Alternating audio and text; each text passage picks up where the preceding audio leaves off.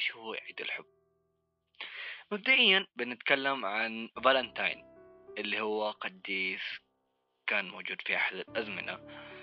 ففي هذا الزمان الحاكم الذي كان يحكم هذا الزمان منع الجنود أجمعين أن يتزوجوا حتى يكونوا الجنود بشكل أقصى من اللي هم عليه. فهذا القديس الذي يسمى فالنتاين كان يزوج الجنود بالسر. ويوم عرفوا الحاكم اعدم هذا القديس. فيوم اعدم هذا القديس في اليوم اللي عدم فيه الناس بدأوا يحتفلون بموته بمسمى عيد الحب أو فالنتاين داي فمن هنا بدأ شيء يسمى عيد الحب. وإحنا كمسلمين ما لنا إلا عيدين عيد الفطر وعيد الأضحى. اليوم بحكيكم قصة أنه كيف كانت أول عيد لغير المسلمين. كل مسلم يعرف أن الشيطان هو عدو لبني آدم عدو للإنسان. شغله الوحيد وعمله الوحيد أنه يدخل البشر في النار أن البشر يعصوا الله سبحانه وتعالى.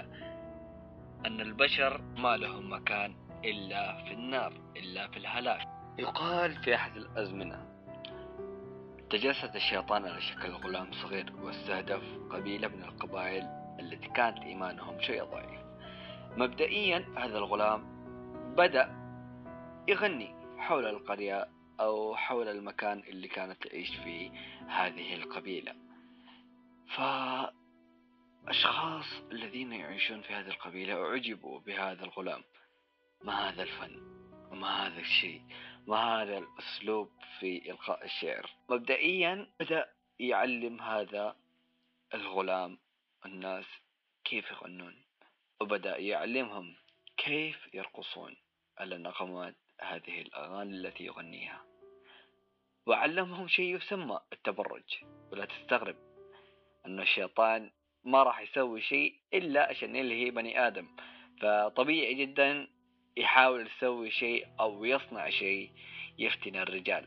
مما الرجال يبدأون تدريجيا يعصون الله سبحانه وتعالى. وبعد إنشاء كل هذا تظنون أن الشيطان اكتفى؟ لا. اقترح هذا الشيطان أو هذا الغلام للقبيلة. لماذا لا نحتفل بمناسبة هذا اليوم الخاص بنا؟ لماذا لا نصنع يوما خاصا بنا؟ كعيد لنا نحتفل بهذا اليوم. نحتفل بكوننا نملك أشياء لا يملكونه كثير من البشر. نحن نملك الرقص نملك الأغاني نملك التبرج. فما رأيكم؟ حكام هذه القبيلة أعجبوا بالفكرة وقالوا تم وأثناء يوم الاحتفال.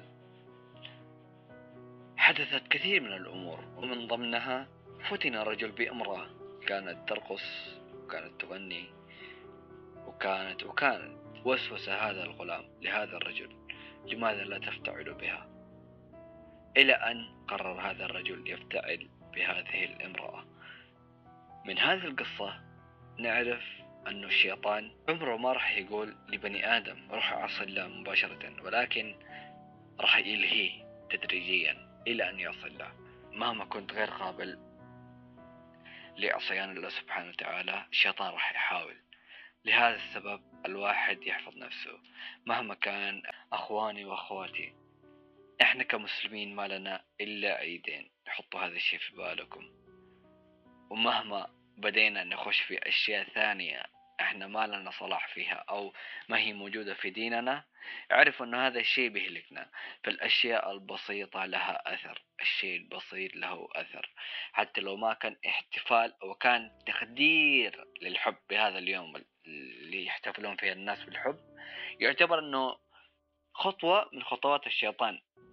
الشيطان يجي يقول يا أخي عادي مجرد إنك إيش تعبر عن حبك في هذا اليوم. مع الوقت تلاقي نفسك تحتفل بهذا اليوم ولا كأنه صار شيء. الشيطان مبدئيا يجي يقول لك يا أخي سوي لك وشم بالحنة ما تختلف. كلها يوم يومين وتختفي. شيء شيء تبدأ تحط حبر. عمي بسيطة. كلها شهر وثلاثين يوم أو أسبوعين اختفي إيش عليك؟ ما في مشكلة. شوية شوية يلهيك أكثر. طلق وشم مؤقت سنة سنتين وتختفي. ما راح تحس. الخلاصة. الشيطان عمره ما راح يجي يقول لك اعصي الله خش جهنم هذا مكانك. لا. بيجي يلهيك. مثل ما قلت أول بجي أقول أقولها ثاني عشان تفهم. طالما انك انت انسان مسلم حاول تحفظ نفسك. أبعد نفسك عن الأشياء البسيطة لأن الأشياء البسيطة لها أثر. مهما كان هذا الشيء بسيط حتشوف إنه هذا الشيء تنميها أو تنميها مع الوقت. نسبة واحد بالمية هذه تأثر فيك. ونسبة واحد بالمية من الامتناع عن بعض الأشياء تأثر فيك برضو. سواء كان إيجابا أو سلبا. الفترة الأخيرة صرت أشوف بعض المقاطع اللي يتكلمون فيها بعض النساء صلى الله يهديهم أنه بشكل عام تقول أنه الرجال اللي أنت تحبيه أو زوجك أو ما أدري إيش هم اللي يقصدون ولكن بشكل عام أعتقد يقصدون الحبيب. مهما كان إنه النساء اللي يقصدون هذول الرجال إنه هذا الرجل ما يشتري حتى مجرد ما ما يغطي الوجه. يلبسها لعدة أيام. فكيف تتوقعين إنه هذا الرجل يشتري لك هدية في هذا اليوم المناسب وهذا اليوم اللي المفروض نحتفل فيه؟ وهم ليسوا إلا تجسيدا للعار. للأسف وهذا الشيء أقدر أقوله في وجيههم. ولكن هدفي مو أني أنتقدهم وأذلهم ولكن هدفي كوني في منصة ال social media بشكل عام أحاول أوعي الناس اللي حولي. أحاول أوعي الناس اللي يشوفون أشياء ما لها داعي ويحاولون يدخلون في هذه الأشياء. وهذه الأشياء للأسف الناس ما تحاول تتكلم فيه. ليه؟ عشان الشركات مستفيدة والمحلات مستفيدة. كمثال يعني ما أقول كلهم ولكن أكثر المحلات الهدايا. ما حد يجي يقول لك يا أخي حرام لا تأخذ هدية في هذا اليوم. لا يجي يقول لك إيش تبغى؟ تبغى ورتها من هذا النوع ولا تبغى الباقة هذا النوع؟ عندنا هدايا معينة مخصصة لعيد الحب. ف كل ما صار الأمر تجارة ما حد راح يتكلم فيه وما حد راح يخالفه.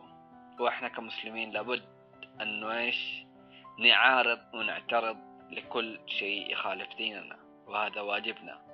مو واجبنا إنه إيش؟ نقول آه أنت هذا الشيء اللي قاعد تسويه مو حرام ومدري هذا هذا انتقاد. مهما كنت تقول إنه أنا أحبك في الله عشان كذا أنصحك. إنك تنصح تنصح بطريقة معينة مو إنك تسفل في هذا الشخص. للأسف كثير من الأشخاص في ال social media يقولون إنهم ينصحون ولكن مو ينصحون. صح إنهم يعرفون في الدين ولكن ليش طريقتهم وأسلوبهم كان أحسن.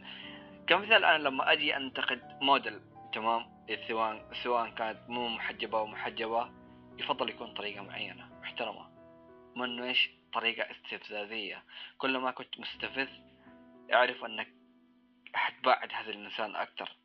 بدل ما تنجيها من شيء معين. أسلوبك في النصيحة له دور. طالما أنت كإنسان محتواك انتقاد حاول تتعلم شيء اسمه أو حاول تعلم نفسك إنه في ناس بينتقدوني كمان طالما إنه أنا قاعد أنتقد هذا واحد.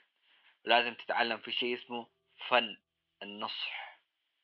مو شرط إنك تتهجم. حتى لو تقول لا أنا ما قاعد أتهجم ولكن الشيء اللي أنت قاعد تسوينه هذا اللي أول أنت قلتي لا. أنا جيت عشان أسوي شيء معين وأروح من ال social media. دحين هذا إيش قاعد تسوين؟ مو تقول كذا يا أخي مو تقول كذا.